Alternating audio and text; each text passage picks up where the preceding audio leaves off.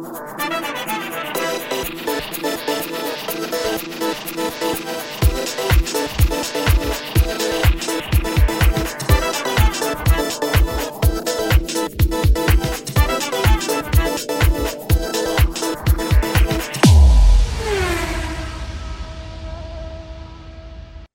vormel üks ja motoorse rahutuse fännid. selja taga on kolm ja ühtlasi kolm ainsat hooajaeelset testipäeva Bahreinis. Neljapäeval on juba esimene kahe tuhande kahekümne neljanda aasta vabatreening, millele järgneb reedene kvalifikatsioon ning laupäevane võidusõit. käesolevas saates võtame aga kiiresti kokku, mis juhtus viimase kolme testipäeva jooksul ja milline võiks olla pingerivi enne esimest etappi. minu nimi on Fredi Vinesse ja minuga spekuleerimas on Tarmo Klaar tere! ning Toomas Vabamäe. tere! Martin on paraku tõbine ja me soovime talle kiiret paranemist. Aga võtame pikema sissejuhatuseta võistkonnad tagantpoolt ettepoole ette ning alustame tõenäoliselt kõige nõrgemast võistkonnast ja me ei ole midagi koordineerinud. Tarmo, Toomas äh, ei tea, mida mina ütlen, siis mina juhin saadet, minu käes on ülim võim ja nemad lihtsalt peavad minuga nõustuma selle järjekorraga, mis mina siin välja pakun, aga noh, vaielge vastu, kui te tahate, ega see mingit otsest mõju ei oma sellele, aga räägime Haasist siis kõigepealt. Ja sõitis Kevin Magnussen välja kõige aeglasema ring, kiire ringi, kõige aeglasema kiire ringi, ütleme niipidi siis. ja e, ega Nico Hülkenberg oma neljateistkümnenda kiirema individuaalse ajaga palju parem ei olnud just siis võtame veel äh, juurde fakti, et Günter Steiner on läinud, mida me eelmises saates vist ei maininud ka isegi, kui me võtsime siin neid talvevahe uudiseid kokku. tema asemel on uus tiimipealik Ayao Komatsu ja kas kõigi nende muutuste ja ajavõttude põhjal võime öelda, et äh, Haasis peaks olema praegu paanika lahti? kas just paanika, aga tegelikult olgem ausad, seal juba minu meelest äh, hooaja lõpus Äh, öeldi välja, et ega, ega nende auto väga konkurentsivõimeline olema ei saa, me ühe, ühe või tiimini jõuame ka veel, kes, kelle esindajad ütlesid ennem teste juba, et nad väga konkurentsis ei ole. ja no pealiku vahetus, ütleme, palju see autoehitust nüüd mõjutas, et äh, Komatsu on ju sealt äh, võistkonna seest edutatud nii-öelda, et ta ei ole väljast tulnud mingisugune jõud ja minu teada seal ju mingisuguseid selliseid olulisi noh, personalihankeid olnud ei ole, et, et kuidagi tugevdada seda võistkonda, et. siiski äh,, siiski tehniline direktor no. on uus, kuna eelmine ju ah, kas läks minema või lasti ka lahti ja,. jah, jah, õige, õige. aga jah, ei, paraku ei midagi uut seal Haasis. Nii ta kipub olema jah, ega meid ju ei pane see üllatama, et Haas on seal saba lõpus, muidugi need ajavahed praegu, need ei ütle meile midagi, kui me siin võime ju arutleda, et Magnussen kõige aeglasemana jäi Sainzist, kes oli kolme päeva peale kõige kiirem, üle kolme sekundi maha, siis noh, see ei ole kindlasti reaalne vahe, mis tekib mis see vahe täpselt olla saab, noh, eks me seda näeme vähem kui nädala pärast, aga Haas on kindlalt viimane, ma siiski kipun arvama, et vahed on vähenenud esimeste ja viimaste vahel. mis Haasi puhul veidi, veidi muret võib tekitada minu jaoks on see fakt, et eelmine aasta ju nad ka tõid Austinisse, tõid selle suure uuenduste paketi ja häda oli selles, et mitte midagi läinud paremaks sellest ja see on tavaliselt indikatsioon sellest, et täpselt ei saada aru, mis üldse valesti on. Ja kui sa täpselt ei saa aru isegi Austini ajaks, mis oli, kui ma mäletan, oktoobri lõpp oli Austini etapp, siis kui sa selleks ajaks ei saa ka veel aru täpselt too aasta, et mis su autol viga on, mida tuleks parandada, siis tegelikult ju sul on selle järgmise aasta auto ehitus juba suuresti äh, lõppemas või selle disainimise protsess, siis kas nad said midagi üldse veel hiljem juurde või kas nad said üldse midagi aru, sest nad sõitsid ju minu arust, kas oli Hülkenberg sõitis vana autoga ja Magnussen uuega või kum-, või vastupidi, vahet ei ole. Ja neil läks veel mitu etappi aega, et, et nagu kuidagi aru saada, et kuidas seda autot äh, modifitseerida ja, ja mida seal setting utes muuta, et see võib olla ka selline muremärk sellele, nad ei, selleks aastaks ka nad ei suutnud adresseerida oma neid peamisi nõrkusi, noh, kui me räägime siin nõrkustest, siis nende peamine nõrkus eelmine aasta oli ju ikkagi fakt, et need auto iseenesest võis olla kiire, aga oli ainult kiire ringi peale. Ja kui sõideti juba Grand Prix etappe tavaliselt rohkem kui kaks ringi ja seal neil pärast teist ringi neil hakkaski juba allamäge minema ju. ja Allamägi hakkas väga konkreetsel põhjusel minema, rehvid kulusid lihtsalt alt ära, tõsi küll, äh, inimesed, kes vaatasid neid Bahreini teste raja äärest, ütlesid, et auto pidi käituma paremini ja see võiks olla märk, et äh, pikad otsad lähevad pisut paremini. aga noh, see on kõik niisugune kohvi peal ennustamine, noh, kogu see meie jutt põhimõtteliselt on ju kohvi pealt ennustamine, et ega me ei tea nende aegade sisulist tähendust. aga väga raske on oodata, et Haas sealt äh, tagumistelt kohtadelt kuskile ettepoole liiguks ja noh, keda see nii väga häiribki, tiimi omanikku see kindlasti ei häiri, sest nagu me eelmiselgi aastal mitu korda, eelkõige Fredi suu järgi, suu kaudu ütlesime, et Gene Haasi selline olukord täiesti näib rahuldavat jah, meeskondlikus arvestuses või konstruktorite karikaarvestuses raha ju jagatakse jätkuvalt sinna kümne klubisse ta kuulub. esialgu ei kibele tiimi müüma ja paistab, et see FOM-ilt saadav raha on tema jaoks ka piisav, nii et jah, on tal ka mõned sponsorid, aga, aga üldiselt kuidagi selline vegeteeriv võistkond on ta kahjuks viimasel, viimased aastad. Mure on ka võib-olla sellega seoses, et Komatsu ülendati, aga tõesti nagu mingit sisulist muutust võib-olla ei ole olnud tiimi sees. väidetavalt on rohkem muutust, vähemalt mis, mis öeldakse väljapoole, aga, aga noh, seda sa pead ka ütlema, eks ju, kui sul on, on uus juht ja õpetaja ikka pead ütlema, et paremini läheb ja oh, nii, nii palju, nii palju metoodilisem nüüd või midagi sellist, aga saab näha, Komatsu on paljuski nagu ütleme, ta on selle Haasi versioon Andreas Stellast, kuigi Andreas Stella on oluliselt ütleme, staažikam ja, ja Tim Schumacheri aegadest äh, Ferrarist juba pärit ja Alonsoga hiljem äh, Ferraris olnud ja, ja McLarenis, nii et ei ole päris sama resümeega ja, staažiga, aga muud ka ei oska soovida kui edu lihtsalt, sest see, see on ilmselt nendest kõigist tiimipealikest äh, kõige selline vähem atraktiivsem töö või mis te arvate? Sa mõtled tema töö või, või? tema töö, kui võtta mis iganes tiimi juhtida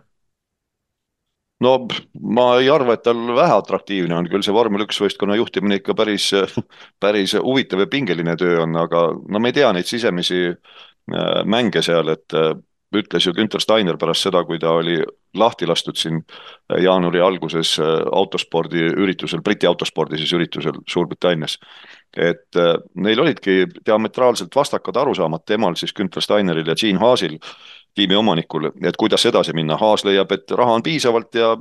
ja kasutage efektiivselt, aga Günter Steiner leidis, et just teiste võistkondade näite varal, et palju rohkem peab nii-öelda infrastruktuuri investeerima ja et niimoodi, niimoodi enam eda, edasi minna ei saa ja võib-olla on ka see nende kontseptsioon, mis alguses, kui nad liitusid vormel ühega, tundus, et täitsa toimib. ehk siis see, et äh, kasutatakse maksimaalselt äh, tehniliste tingimuste järgi lubatud ostutooteid, aga paistab, et äh, noh, see aeg, kas nüüd on päris möödas või siis no, see ikkagi sellist suurt edu vähemalt viimastel aastatel küll toomas ei ole aga nagu veel kord öeldud, tiimi omanikku see ei häiri, et tema autod on järjepidevalt ja kindlalt sinna viimastele kohtadele ankurdatud. kuigi ise ta ütles, et see, kuidas see oli, et see oli häbiväärne või midagi hooaja lõpus seal, et it was embarrassing, noh, ütleme tegudest ei paista, et, et ta tahaks midagi radikaalselt muuta no saame näha, vaatame, mis see hooaeg toob. Äh, aga liigume edasi siis üheksanda äh, võistkonna juurde aeg, aeglaselt äh, ja ma ütlen, et see võiks olla näiteks selline võistkond nagu, mis ta on, Steak, Sauber Kick, see üli, üli see... nagu ülimalt neoonroheline auto, kes on näinud pilte või videosid sellest testilt, siis seda ma kiidaks vähemalt, auto oli väga ilusti äratuntav, nägid kohe, kui, kui tuli üks Sauber Kick äh, Steak asi. nii et, et see oli, see oli äge, aga tundub ka, et neil auto ei ole just nagu megakiire, Botasel üldkokkuvõttes kiirusel kaheksateistkümnes aeg. Äh, oli väga tundub sihuke glory run'ina, aga suutis neljanda aja sõita, see oli küll ka pehmematel rehvidel tema eessõitjad sõitsid samuti pehmematel rehvidel C4-del. nii et mis mulje teile see Sauber nii-öelda jätab praeguses seisus? kui ma nüüd vaatan, mul on eelmise aasta testiajad ka ees, siis Valteri Potas oli aasta tagasi kolme testipäeva järel koguni kolmas ja noh, kuidas hooaeg läks, seda me mäletame, aga minu jaoks ka see Sauber oli peale selle värvilahenduse, mis teravalt silma torkas ja mis äh, ma saan aru, et kõigile vormel üks äh, sellistele vähemalt ingliskeelsetele kommentaatoritele väga meeldis, et ta ongi silmapaistev, et ta ongi eristatav, see auto. aga muidu ta tundus selline suhteliselt anonüümne, et ei paistnud ta silma seal mingi erilise aeglusega ega erilise, erilise kiirusega jah, eelmist aastat Tarmo tuletas meelde, eelmine aasta oli ju selline klassikaline Sauberi aasta. Sauberil endal, et tehti hea auto aga ei suudetud selle potentsiaali realiseerida ja noh, rääkimata sellest, et siis oleks mingisuguseid imetabaseid arendustöid tehtud, mis oleksid autot kas kergitanud paremustabelis ettepoole või, või vähemalt hoidnud enam-vähem sellisel tasemel teiste võistkondade suhtes, nagu ta aasta jooksul oli. aga praegu noh, see võistkonna nimi muidugi, sellega saab palju nalja, et mingites protokollides ma nägin, kus oli kirjutatud Kick Sauber, noh, mis tähendab siis umbes, et pekske Sauberit aga eks ta üks peksupoiss paistab olevat jah, et sellist optimismi nagu eelmise aasta alguses oli, tundub, et seal tiimis ei ole, samas kui Fredi paigaldas Sauberi siin kindlalt eelviimaseks ehk üheksandaks, siis minul on mingid teised graafikud ees, mis lubavad Sauberit siin mõnevõrra kõrgemale, noh, kas kaheksandaks või isegi seitsmendaks. aga jah, ega sealt midagi suurt ja ilusat tulemas ei ole ja veel kord meenutame, kõik sõitjad, kes eelmise hooaja lõpetasid, alustavad ka tänavust hooaega, nii et esimest korda vormel üks äh, ajaloos on selline asi juhtunud, et tiimide koosseisud, mis siis sõitjaid puudutab, ei ole hooaja jooksul, hooaja kahe hooaja vahel ei ole muutunud kordagi. ja ei ole seega ka tiimidel midagi uut ja üllatavat kuskilt oodata, nii et läheb sama raja, sama rada mööda edasi ja no ei, ei usu mina sellesse, et Sauberist midagi sel hooajal väga tulla võiks, seda enam kui me oleme siin ka mitu korda aasta jooksul rääkinud, et kuigi sellest tiimist saab varsti Audi, siis praegu Audi sinna vahetult ei investeeri midagi seda sel moel, et see võiks praeguseid tulemusi muuta. Audi ole isegi sada protsenti aktsiatest veel üle võtnud, minu teadeks kuuskümmend või seitse protsenti kuulub neile praegusel hetkel midagi sellist no,. rääkimata sellest, et pidevalt tulevad kuulujutud, et Audis ikka mingisugused jamad on, et ei ole ikka kindel, kas Audi ikka tuleb kaks tuhat kakskümmend kuus. ühesõnaga noh, see on niisugune tavaline kuulujuttude veski kahe hooaja vahel, kui millestki rääkida ei ole. just noh, Sauber, Sauber Sauberiks, aga kui me räägime võistkonnast, siin tõesti see võib, äh, kergem on neid nagu gruppi panna, võib-olla oleks see veidi ausam, sest äh, ega asi,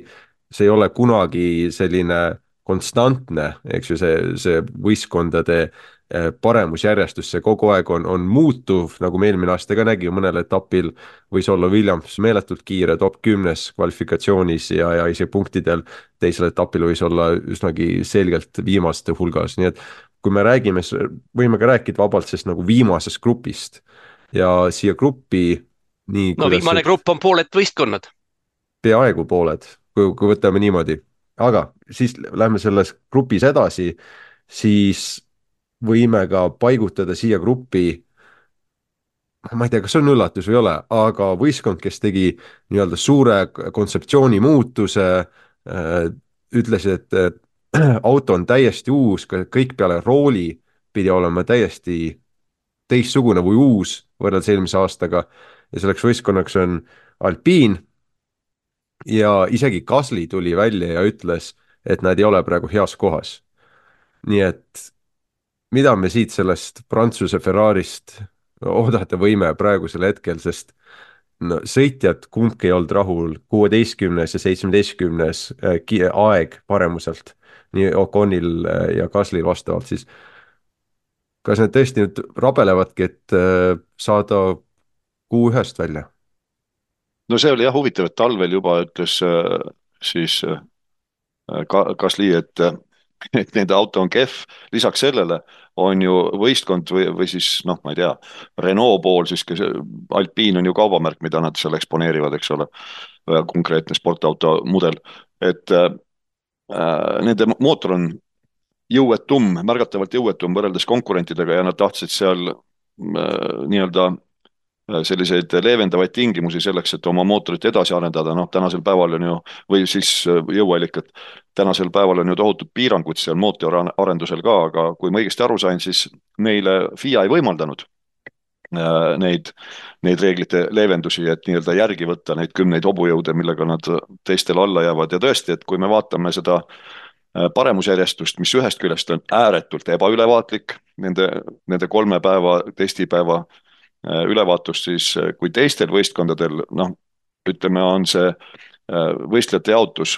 tihtipeale selline servast serva, noh, võtame Kevin Magnussen kahekümnes, Nico Hülkenberg neljateistkümnes ja, ja eile oli Hülkenberg koguni, kas ta oli seal lõpu, lõpuks esikümnes viimasel päeval oma ajaga, siis äh, tõesti, et äh, Ocon ja, ja Gasly on üheteise selja taga ja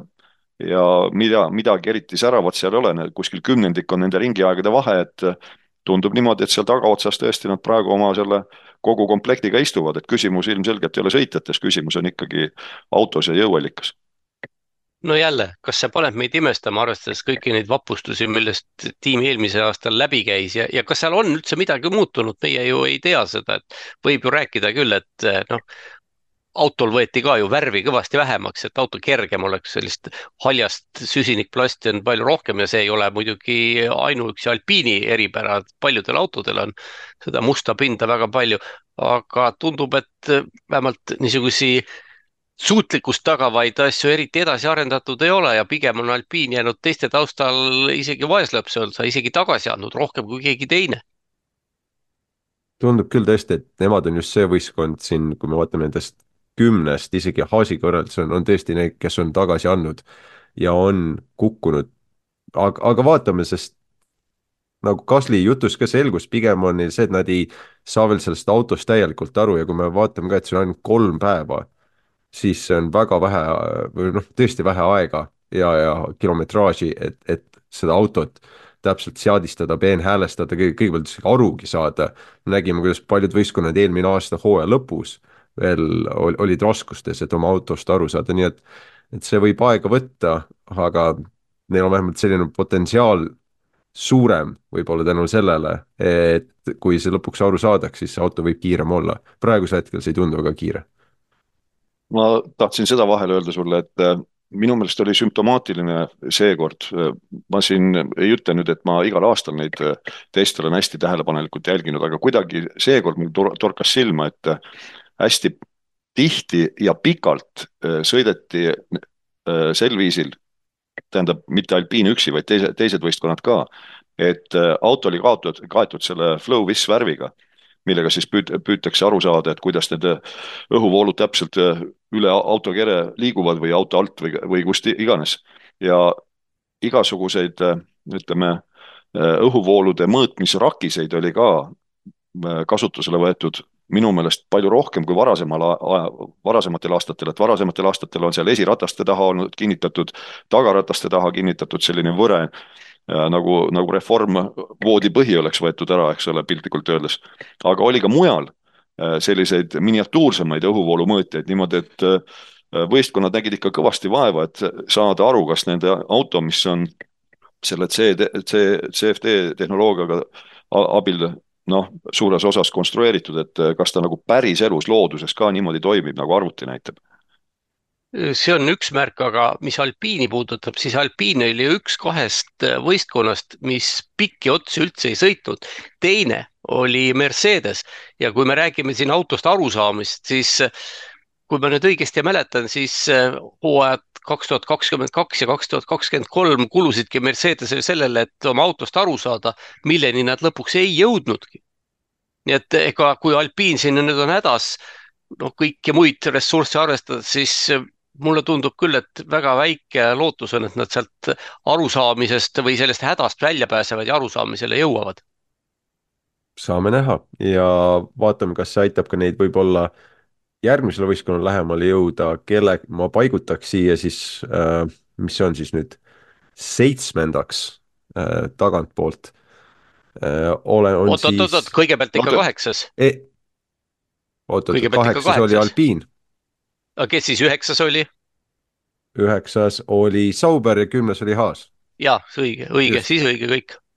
nii et, et seitsmes siis on hmm, Williams ja, ja kas Williams nüüd kuulub sellesse viimasesse gruppi või mitte, ühe sõitjaga tundub, et see kindlasti kuulub, Logan Sargent oli temaga üks väheseid, kes sellise tõsise nagu väljasõidu tekitas äh, või sooritas ja tema oli üheksateistkümnes ajalt ja kaotas peaaegu kaks sekundit, vaatan siin Albonile, poolteist poolteist kaotas Albonil oma võistkonnakaaslasele. et ühe sõitja käes võib see auto olla päris viisakas, teise sõitja käes äh, ei pruugi nii viisakas olla, nagu eelmine aastagi nägime. aga Williams tuli välja üsnagi sellise tagasihoidliku arenguga ja no kõik, mis auto pealt näha oli, ei olnud nagu mingeid suuri riske võetud. oli, oli keskendutud eelkõige ka siis tuuletundlikkuse vähendamisele ja, ja muudele väikestele asjadele, mis neil olid, aga midagi revolutsioonilist me Williamsilt ei näinud. Äh, see, mis mul jäi kõrvu, noh, viima-, viimast testipäeva seal, äh, eriti päeva teist poolt ma püüdsin jälgida just viimast paari tundi äh, seal kella nelja, neljast kuueni, kus ütleme, ilmastikuolud olid sarnased ja kellaaeg ka sarnane sellele, mis siin järgmise nädala lõpus sa, saab olema, kui kvalifikatsiooni ja võidusõitu sõidetakse, siis kohalikud vaatlejad seal minu mälestuste järgi need on nüüd päevatagased mälestused, äh, tõstsid esile just Alex Alboni äh, pikkade otste tempot. et see neil tundus päris hea olevat. just seda, seda kiideti ka uh,, Mark Hughes Briti ajakirjanik kiitis ka seda, ütles, et tempolt nad olid kellest kiirem, Mercedesega või? olid umbes sama kiire, ma ei, ma ei mäleta enam, aga nende, ei, vabandust, McLaren McLareni, neil oli kiirem kui McLareni pika otse tempo oli aeglane ja niimoodi, et isegi Williamsil oli parem Alboniga roolis. aga noh, me jõuame, jõuame McLaren, Mercedesi ja teisteni ka, nii et lootust on, mitte ühe sõitja käes sellel on, ma arvan, et sellel autol lootust. no ja nüüd äh, Sargentil ongi ju tõehetk, et äh, saab siis näha, kas teda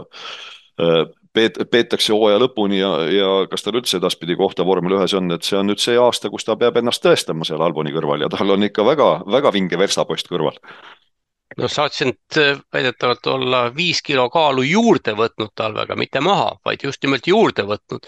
kui oleme siin eelmistel aastatel kuulnud, kuidas sõitjad võtavad talvega ikka maha, et autos seda liigset massi ei oleks üleliia palju, siis Sargent jah, võttis hoopis juurde, aga ütles, et tunneb ennast nüüd hoopis teistmoodi ja noh, tema, kuna tegemist on ju ikkagi ühe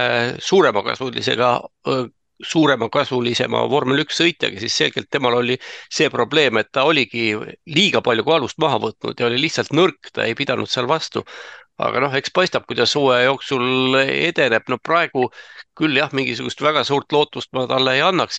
teisest küljest Williamsi see nii-öelda konservatiivsus, et mingisuguseid äh, revolutsioonilisi samme ei tehtud, ma arvan, et see on pigem õigem lähenemine, sest eks neilgi on probleem ju selles, et ega ressursse üleliia palju ei ole ja tasub minna kindlate asjade peale. teha, teha selliseid asju, millest on teada, et need kindlalt töötavad, võib-olla see samm edasi ei ole nii suur, kui oleks revolutsiooniga saanud, aga, aga võimalus alt minna on oluliselt väiksem ja see on, ma arvan, praegu tiimile tähtsam seesama üks võistkond, kellest me rääkisime juba, Alpine, nemad kaotasid oma tehnilise direktori just Williamsile. ja kui ma õigesti mäletan, liitus kuskil septembris või oktoobris või oli isegi novembris, aga ühesõnaga aasta lõpus, nii et tema jälg ei ole ka veel seal selle uue auto juures väga suur ja, ja see, see mõju saab olema ilmselt siis no lähtav läbi, aasta läbivalt ja eelkõige järgmine aasta ka, nii et et Williamsi nagu positiivsust on, on üsnagi palju nende ümber ja, ja nad investeerivad ka samal ajal oma infrastruktuuri ja nii edasi, nii et, et seda on, seda on hea näha. liigume kuuenda võistkonna juurde,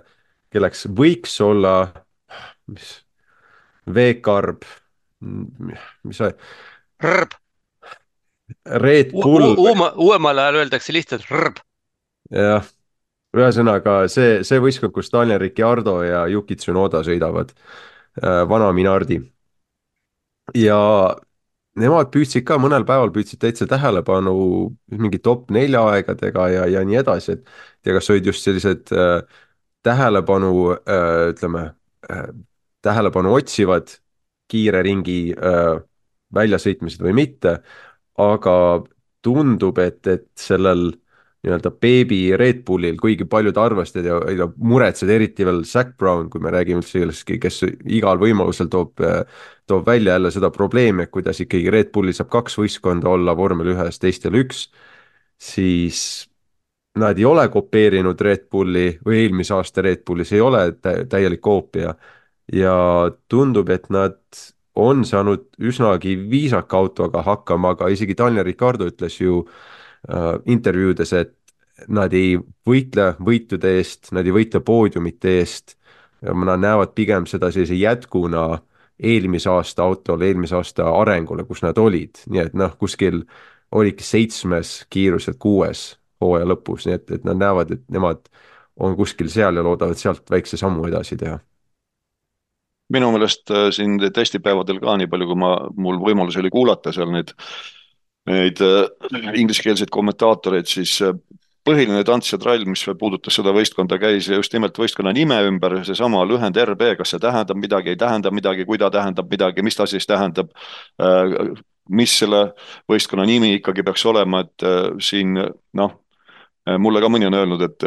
et sel aastal ikka noh,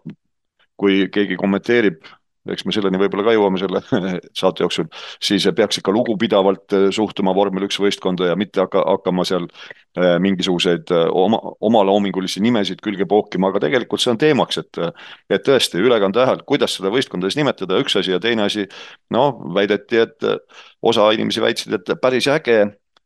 värvilahendus ehk siis disain, mina olen vanakooli mees, minu auto, autol on ikkagi konstruktor, mitte disainer, Adrian Newey ei ole disainer, ta ei ole mingi vaba käega lihtsalt visanud värvi sinna peale autole, vaid ta on ikkagi auto konstrueerinud.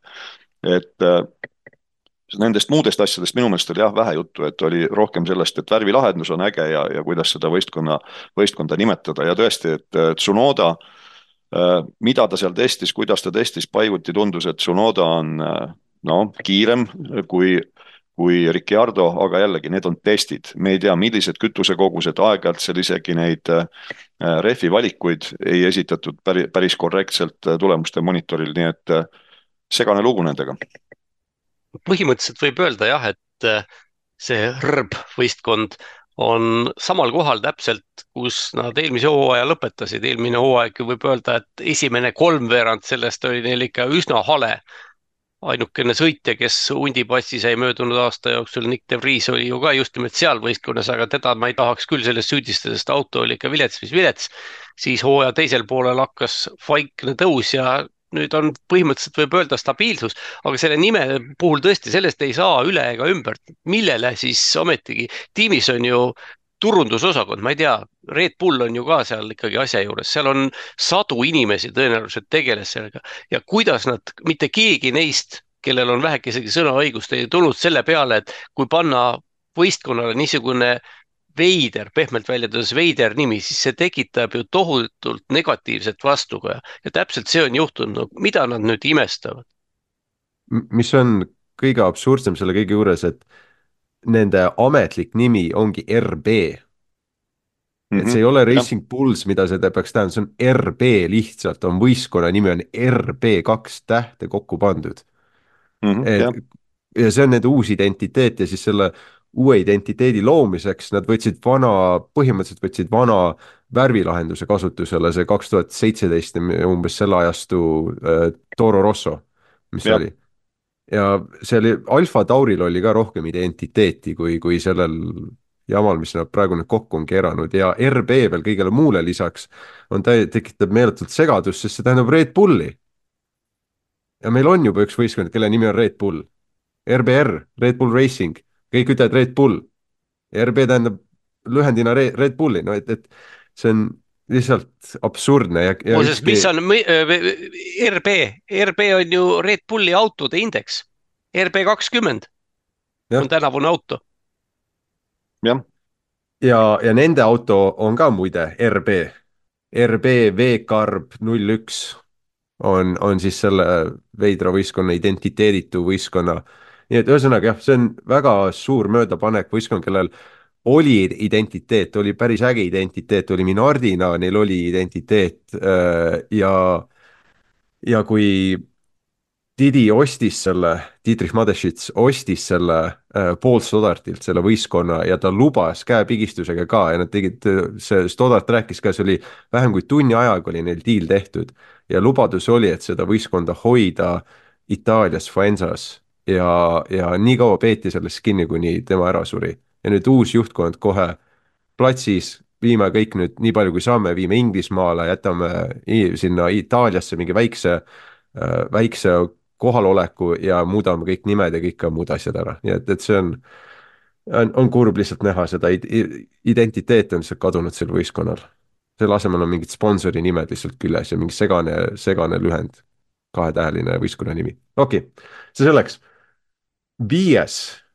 ma tahaks olla? veel juhti, juhtida tähelepanu sellele, et kui me nüüd lähme viienda võistkonnani, siis äh, tundub, et sealt äh, viienda võistkonna järelt ja selle rõrbi eest, sealt jookseb selline kõrgem veelahe.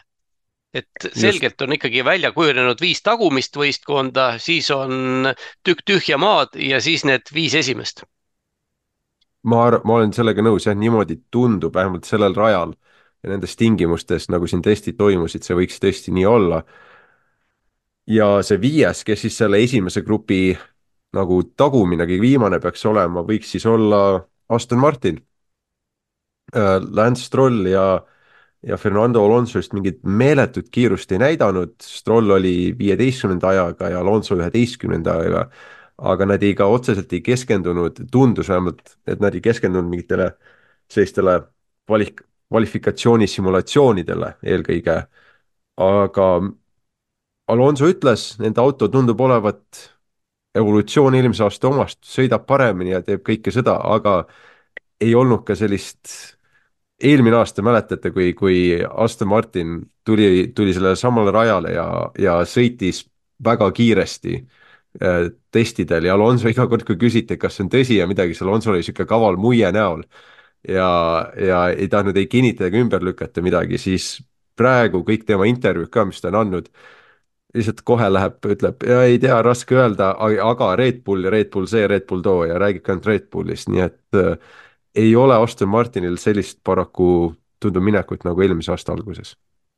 no mina vaidleks vastu äh,. ma just eile äh,, ma ütlen, ma vaatasin seda viimast kahte tundi meelega püüdsin sättida nii, et ma saaksin seda viimast kahte tundi vaadata ja mul on kole kume läänest siis kodus ka vaadata koos ajavõtuga. ja paralleelselt olid rajal siis äh, Äh, Charles Leclerc, äh, oli Oscar Piastri McLareniga, oli Fernando Alonso ja aeg-ajalt vilkus seal ka Verstappen ja vahepeal oli Verstappen välja arvata te, teistel oli see äh, rehvi kõvaduse valik ka võrreldav ja, ja need ringide, ringide ajad olid just er, eriti McLarenil ja, ja Aston Martinil. Nad olid, liikusid enam-vähem ühes rütmis seal oma äh, rajale minekutega, rajalt äratulekutega ja mulle jättis tegelikult äh, Äh, siis Alonso pika otsa sõit, väga hea mulje. Äh, tundus, et ta hoiab kõrget tempot, ei kuku ära ja ta oli minu meelest isegi kanna peale astumas äh, Ferrarile, kusjuures Ferrari jättis ka suht hea mulje, nii et mõningas mõttes võib-olla ikkagi nad on sellised mustad hobused ja sellega ma olen küll nõus, et nähtavasti nad selle ühe kiire ringi peale nüüd küll ei läinud, mitte kordagi minul jäi ikkagi mulje, et Aston Martin suuresti on selles kohas, noh, nagu me siin nagu mitme teisegi võistkonna kohta oleme juba öelnud, et on selles kohas, kus nad eelmise aasta lõpetasid ja mingisugust säravat hüpet sealt ettepoole pigem ei ole toimunud, aga kui ma peaksin nimetama ühe tiimi, kes nii-öelda võib-olla, me jällegi täpselt ei tea, eks see pärast selgub, kes võis liiva kotitada, siis ma osutaksin pigem Aston Martinile, et tundus, et nad hoidsid võib-olla tagasi, aga samamoodi on küsimus selles, et heakene küll, hoidsid tagasi, aga kas seal midagi reaalset ka taga on, selles ma nii väga kindel ei ole.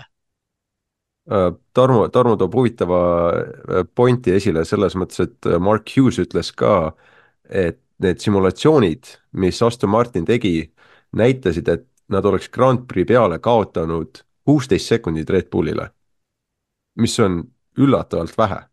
kui, kui võtta, et jah, võib tunduda see on palju. siis, see on siis Max Verstappeni juhitud Red Bullile. jah, just, just. jah, just. ja oli Aston Martin kiirem kui Mercedes ja, ja selgelt kiirem ka McLarenist, eelkõige McLarenist, kelleni me jõuame. nii et neil võib olla selline pika distantsi või ainult Grand Prix läbivat distantsi äh, eelis teiste ees ja eelmine aasta ka nägi üks asi, kui, kui midagi see Aston Martin tegi hästi, siis oli tõesti sõitudes just äh,, eelkõige Alonsoga roolis. ta oli konkurentsivõimeline, aga jällegi teatud etappidel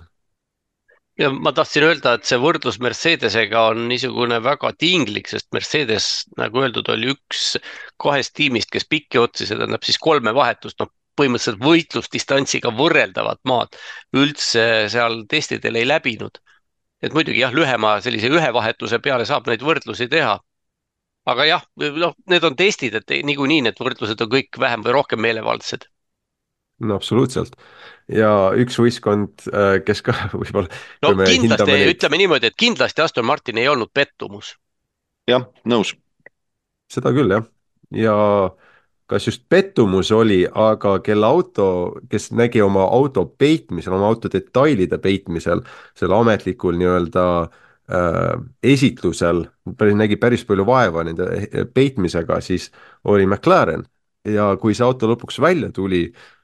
tuli välja, et sellel autol ei olnud nagu midagi nii erilist ega revolutsioonilist, sest äh, alguses oli üsna palju kuulujutte, et McLaren on seal Photoshopis nii palju erinevaid asju ära peitnud,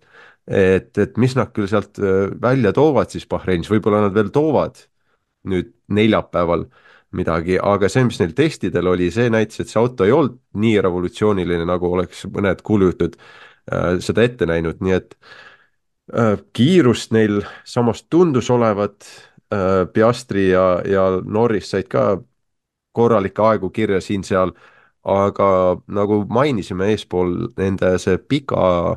vahetuse sõit ei kulgenud väga hästi ja just Piastri eelkõige olevat olnud väga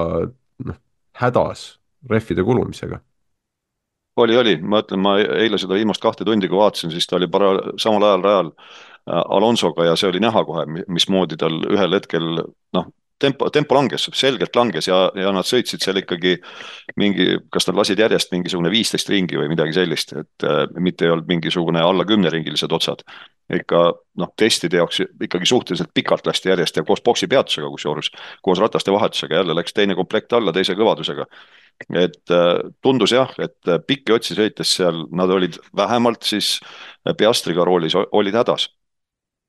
noh, see on muidugi Piastrile eriti väga halb uudis, sest äh, eelmisel aastal ju mäletame, Piastri näitas väga head kiirust, aga tunnistas ta ise ka mitut puhku, et tal on üks suur puudujääk, no me nägime seda kõiki. ja just see, et ta ei osanud rehvi säästa selle kiire liikumise juures, erinevalt oma tiimikaaslasest Lando Norrisist ja kui nüüd tänavune auto vähemalt esialgu kõik kindlasti loodavad ja, ja töötavad selles suunas, et see rehvi nälg välja ravida. kui auto ikkagi niimoodi rehvi õgib, siis eelkõige Piastrile on see väga halb uudis ja noh, kas me siis näeme nüüd sellist noh, mõnevõrra sellist Haasi efekti, et ühe ringi kiirus on ju McLarenil väga hea, nägime seda kohe esimesel testipäeval ja selles ei tekkinud ilmselt ka järgmistel päevadel kahtlust, kuigi nii võis arvata, et tiim tegeles põhiliselt ikkagi just sellesama pikkade otste parema läbimise nimel töötas. saame näha, et nad, kas Andreas Stella rääkis ka, et nad olid äh, keskendunud ka paljuski just madalatel kiirustel äh, auto paremaks muutmisele vaatame siis noh. no see oli neil ka eelmisel aastal, see oli neil ka eelmisel aastal mure, aga tundub, tundub, et praegu ongi selline eh, nokk lahti, saba kinni olukord. jah, ja noh, Bahrein ei ole ka just selle kõige esinduslikum rada just selle, selle väljatoomiseks, kas see madalatel kiirustel on nüüd palju paremaks läinud või mitte. aga saame näha, McLaren üldiselt on ringi peale, neil kiirust tundub olevat, aga tõesti, nagu ütlesid, Piastrile võib see halb uudis olla, sest Norris on selles tegelikult väga hea just nende rehvide säästmises, nagu me eelmine aasta ka mitut puhku nägime. aga meie top kolm siis ja selle top kolme äh, viimane, ütleme igatepidi, jaga kuidas tahad neid, tee viieks, tee kolmeks, aga Mercedes ja, ja Mercedes on selline huvitav äh, võistkond, nagu me mainisime, et nad ei, ei keskendu väga pikkadele otstele ja, ja nende auto arusaam peal, Hamilton tunnistas, ei ole seal, kus võiks olla. Russell ütles esimese päeva järel, et ta juba saab aru, et, et auto on parem kui eelmine aasta. aga Hamilton tundus, et ei olnud nii rahul sellega ja, ja et neil on veel üsnagi palju sättida seal ja, ja ka raja kõrvalt, mis oli näha, et, et Russell oli üks, üks neid peamisi, kes ikkagi tihti lasi rattaplokki ja, ja see Mercedes kohati võis näha, näida väga selline kuulelik ja, ja rahulik auto ja teisel hetkel jälle ilmselt siis teiste kütusekogustega võis olla ikkagi päris äh, raske taltsutada. kuidas me seda Mercedese testi kokku võtame siin, kui ma ütlen kiiresti numbrid ka, Russell oli kolmas äh, üldkiiruselt ja Hamilton oli kümnes siin, nii et ei, Hamilton kindlasti näidanud seda kiirust, mis, mis äh, autos võis olla, Russell võib-olla näitas minu meelest nad viimasel päeval ka rassisid selle autoga üksjagu, ma vaatan seal läbitud ringe, et Hamilton viimasel päeval sõitis nelikümmend üheksa ringi, nad siis jagasid päeva pooleks, noh, see, sellest võime ka eraldi võib-olla rääkida, mis jamad seal rajaga olid ühes samas kohas enam-vähem kogu aeg. mis hakkis seal kaks päeva ära, võttis vähemalt tunni ühe, kahest testipäevast ja siis Russell sõitis kuuskümmend seitse ringi. et veel kord Hamilton nelikümmend üheksa, Russell kuuskümmend seitse võrdluseks. Sainz ja Leclerc Ferraris jagasid ka autot viimasel päeval ja Sainz läbis seitsekümmend üks ringi, Leclerc seitsekümmend neli. et see näitab ka, et äh, kui ringi läbitakse vähe, kas on mingisugused tehnilised probleemid või siis on vaja autot ümber seadistada sellisel viisil, mis, mis võtab tohutult aega, et ei ole mingisugused lihtsad rehvirõhu muutused või, või asjad. nii et äh, ja see ka veel kord tõesti, et nad sõitsid selliseid lühema, lühemaid otsi, nad, nad ei teinud võistlusi äh, simulatsiooni, et see ikkagi viitab ka minu meelest selgelt äh, sellele, et äh, nad jällegi püüavad oma autost aru saada kolmandat aastat järjest. no tundub, et midagi on aru saadud, sest oli see nüüd Russell, kes ütles selge sõnaga välja, et äh, auto ei ole ideaalne, aga ta ei ole ka selline diiva, nagu ta kahel eelmisel aastal oli, et teeb täpselt seda, mida ta ise tahab, mitte seda, mida sina tahad või, või püüad teda suunata tegema. et see kindlasti on, on positiivne märk, noh, see Russelli viimase testipäeva paremuselt teine aeg, kui ta jäi alla Leclerc'ile vaid null koma null neli sekundit, see muidugi ei näita suurt midagi. Selles noh, suures plaanis lihtsalt äh, tollest hetkest, ega me ei tea ju, milline oli mootori režiim tol hetkel, milline oli kütuse kogus, täpselt nagu Guan Yu show puhul sai siin mainitud. ja see, seda tahtsin sulle, Toomas, vahele öelda, et äh, kuna ma püüdsin jälgida seda viimast päeva tähelepanelikumalt, siis äh, Leclerc sõitis nii-öelda päevasel ajal lõõskava päikese käes oma aja ja Russell sõitis siis äh, sellel optimaalsel ajal õhtul, kui päike oli juba looja läinud ja, ja asfaldi temperatuur ja õhutemperatuur oli midagi muud, nii et äh, selles suhtes ka äh, noh, ütleme Russell sõitis paremates tingimustes oma aja kui Leclerc. ja Leclerc'i ajal nii-öelda see proov oli kindlasti kõrgem, ehk see oli, oli väärtuslikum, nii et see ajavahe, mis seal oli, see oli võib öelda kunstlikult väike, aga noh, Mercedesel vähemalt on nüüd, millele loota, tundub, et eh, ei ole sellist meeleolu nagu eelmisel aastal, kui testide järel oli selge, et kontseptsioon on mööda pandud ja nüüd tuleb terve aasta selle otsas istuda, suurt midagi teha ei anna. tänavu selliseid meeleolusid ei ole, et koha pealt just on, kes seal raporteerisid, need ajakirjanikud on öelnud, et heakene küll, see kiirus kiiruseks, aga meeleolu tiimis on ikkagi hoopis midagi muud, kui see oli eelmisel aastal. aga, aga võib-olla on meeskonnal hea meel, et äh, väike meeskonnavahetus tuleb, et äh, ollakse lootusrikkad, et kui, kes siis Russelli kõrvale tuleb, et keegi uus nägu ja põnev ja huvitav ja no sellega, sellega on aega veel küll, et küll nad, küll nad sellega ka, ma arvan, et seal on järjekord on ammu ukse taga ja noh, sellest me erisaate tegime, et seda ei ole mõtet siin praegu käsitlema hakata. ega mingeid, mingeid andmeid meil ei ole, me võime ju spekuleerida siin igasuguseid asju kokku. no aga see on tõsi, et, et nende testide ajal ka, kui näidatakse aeg-ajalt boksist äh, võistkonna liikmete kehakeelt nii-öelda, siis aeg-ajalt see on ikka päris kõnekas. ja, ja tõepoolest seal Mercedese leeris noh, ei tundunud sellist äh, kuidas öelda, hämmingut ja peataolekut või, või masendust jah, ja kuigi mõlemad sõit ütlesid, nad pole veel seal, kus nad tahaksid olla, siis mõlemad olid positiivselt meelestatud praegu, mis on, arvestades viimase kahe aasta sündmusi, on isegi edasiminek Mercedesele. Kas siis ka järgmine võistkond, kas nemad on ka edasimineku teinud, see selgub päriselt nüüd, aga tundub, et nad on tõesti kõige lähemal sellele esimesele võistkonnale ja kellest me räägime muidugi on Ferrari oma SF kriips kahekümne neljaga. Ja said aegade poolest siis Sainz juunior ja Leclerc olid esimene ja teine ja nende isegi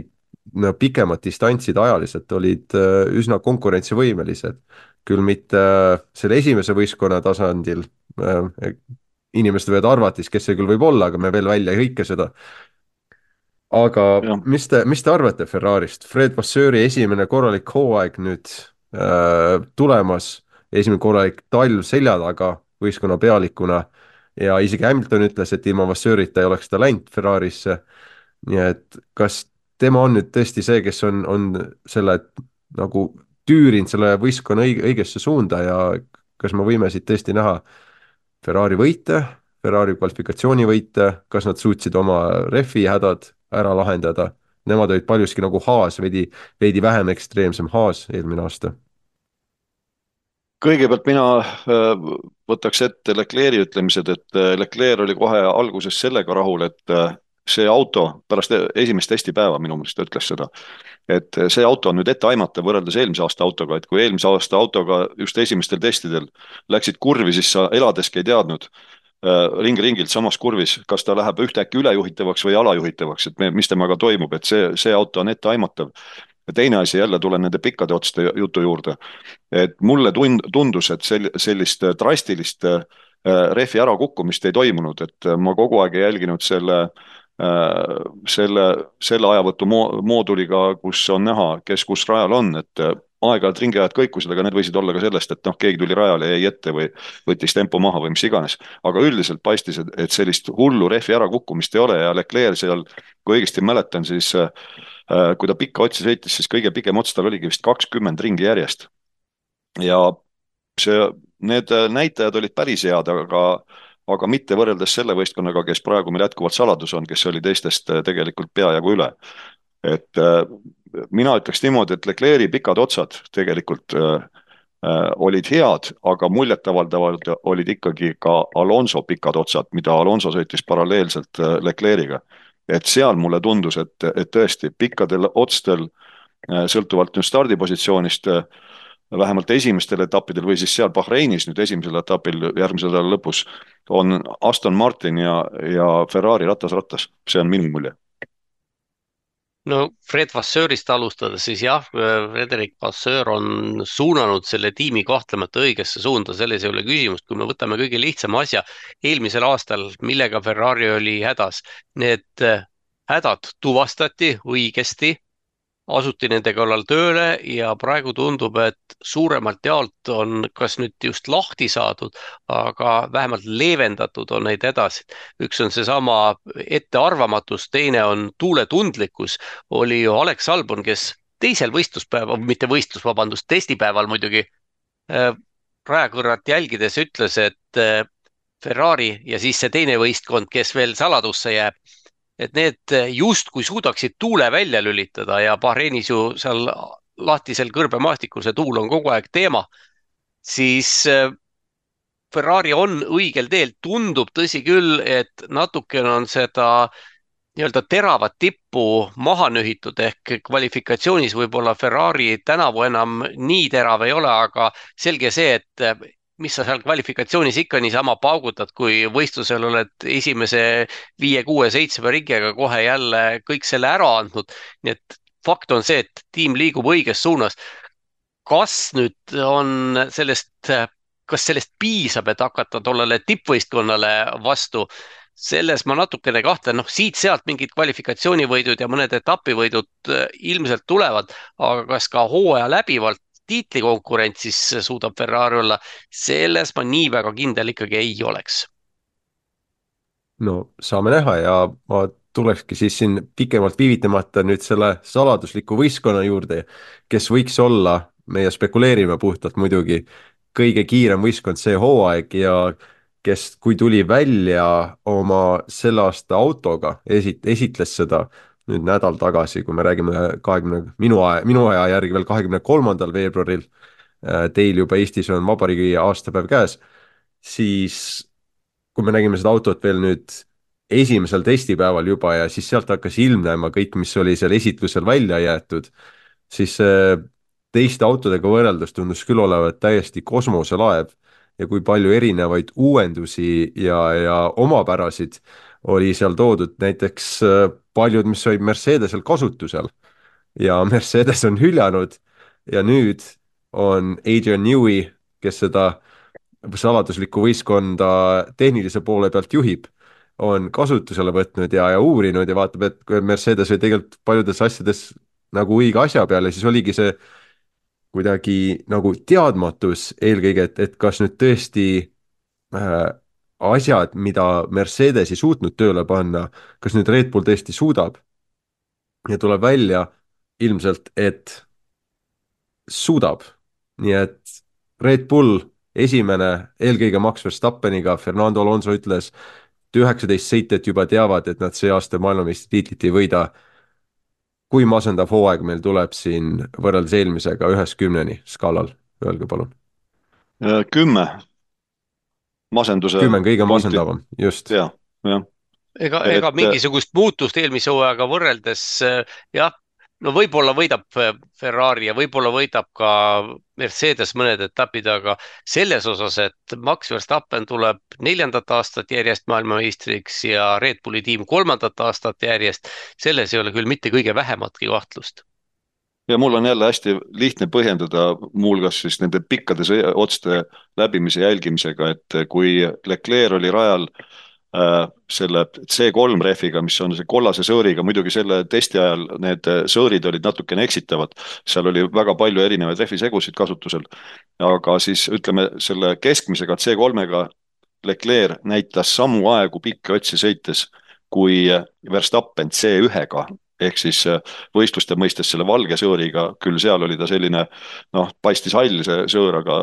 aga ütleme niimoodi, et samal ajal kui Verstappen sõitis kõige kõvema rehviga äh, siis samas tempos suutis ennast Leclerc pikki otse sõites äh, kaks astet pehmema rehviga. Noh, ja kui me mõtleme tagasi nüüd esimesele testipäevale, siis see, kuidas põhimõtteliselt võeti karbist välja see uus RB kakskümmend, lükati rajale ja Verstappen oli, kui palju, üks koma üks sekundit kõikidest kiirem.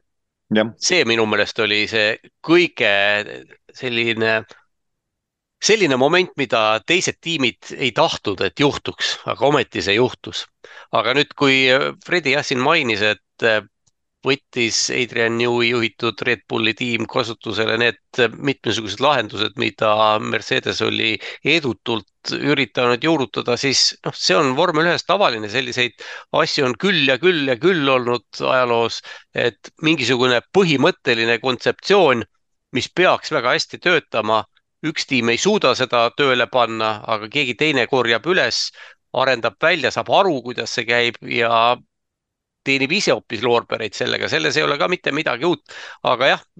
Adrian Newey võib öelda, on siis selline õhulausuja, et kuidagi tema suudab need õhuvoolud auto ümber niimoodi liikuma panna, nagu tema tahab.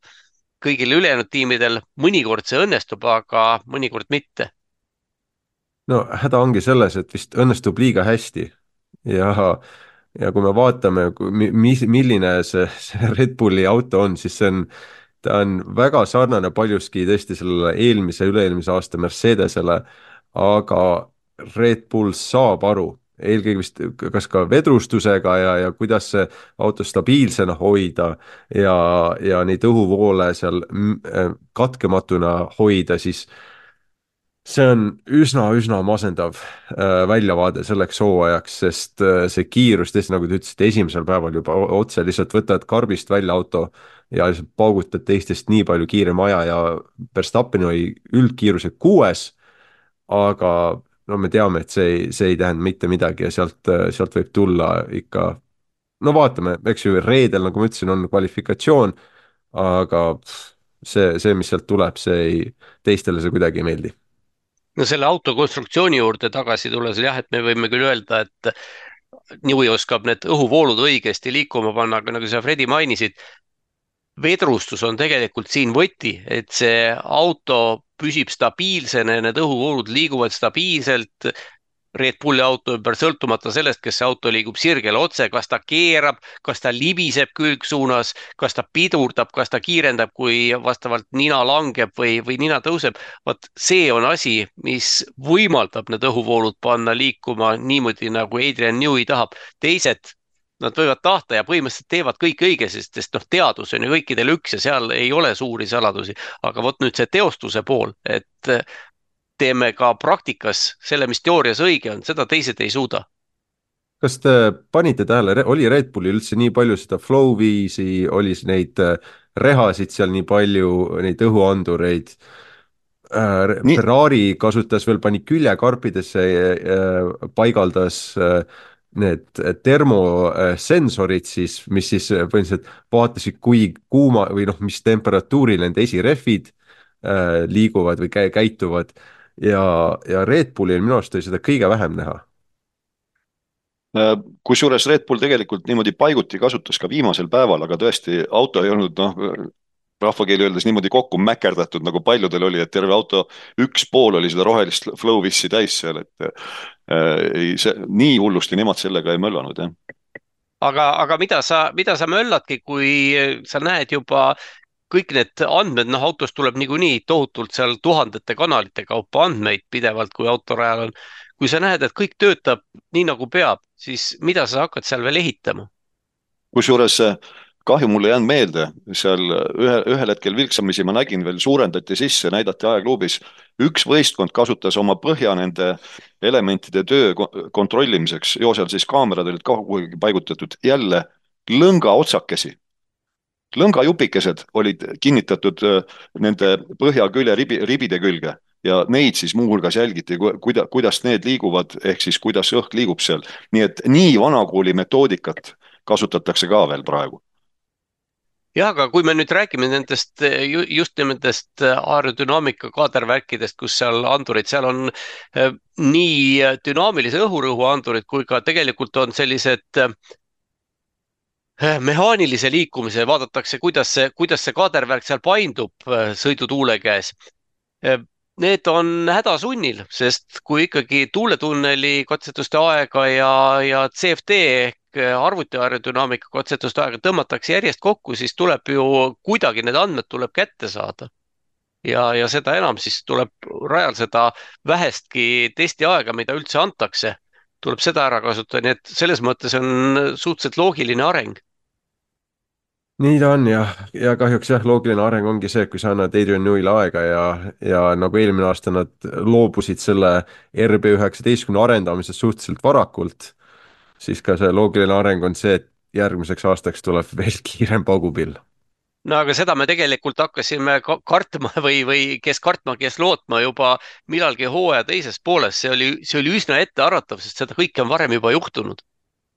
Jah, ja, ja, ja häda, mis, kas oli Kristjan Horner või New ise rääkis, et see karistus, mis nad said ja olles ka esi, esimene võistkond, et siis nad said niikuinii vähem juba tuuletunneli aega, siis nad õppisid olema veel efektiivsemad öö, oma arendustöös. ja, ja lihtsalt see teeb, see teeb lihtsalt kõik väga murelikuks ja, ja ei tea, ei tea, mis siit sellest hooajast niimoodi välja tuleb, sellest sõidust tuleb ja, ja noh, ei taha liiga pessimistlikuks muutuda siin, aga kui me räägime ka, et siin Haas hoiab siin äh, rahakoti äh, äh, tihedalt vastu rinda, ei lase kedagi ligi sellele, siis äh, lootuses võib-olla, et keegi tuleb tulevikus, ostab ära selle veel suurema raha eest, nagu me oleme näinud paljuski ütleme, profispordi äh, liigade võistkondasid, olgu siis Premier League või, või äh, Põhja-Ameerikas mõni, mõni palliklubi, siis äh, ja need on meeletult kallinenud, siis ma ei tea, kas vormel ühes see niimoodi läheb edasi, kui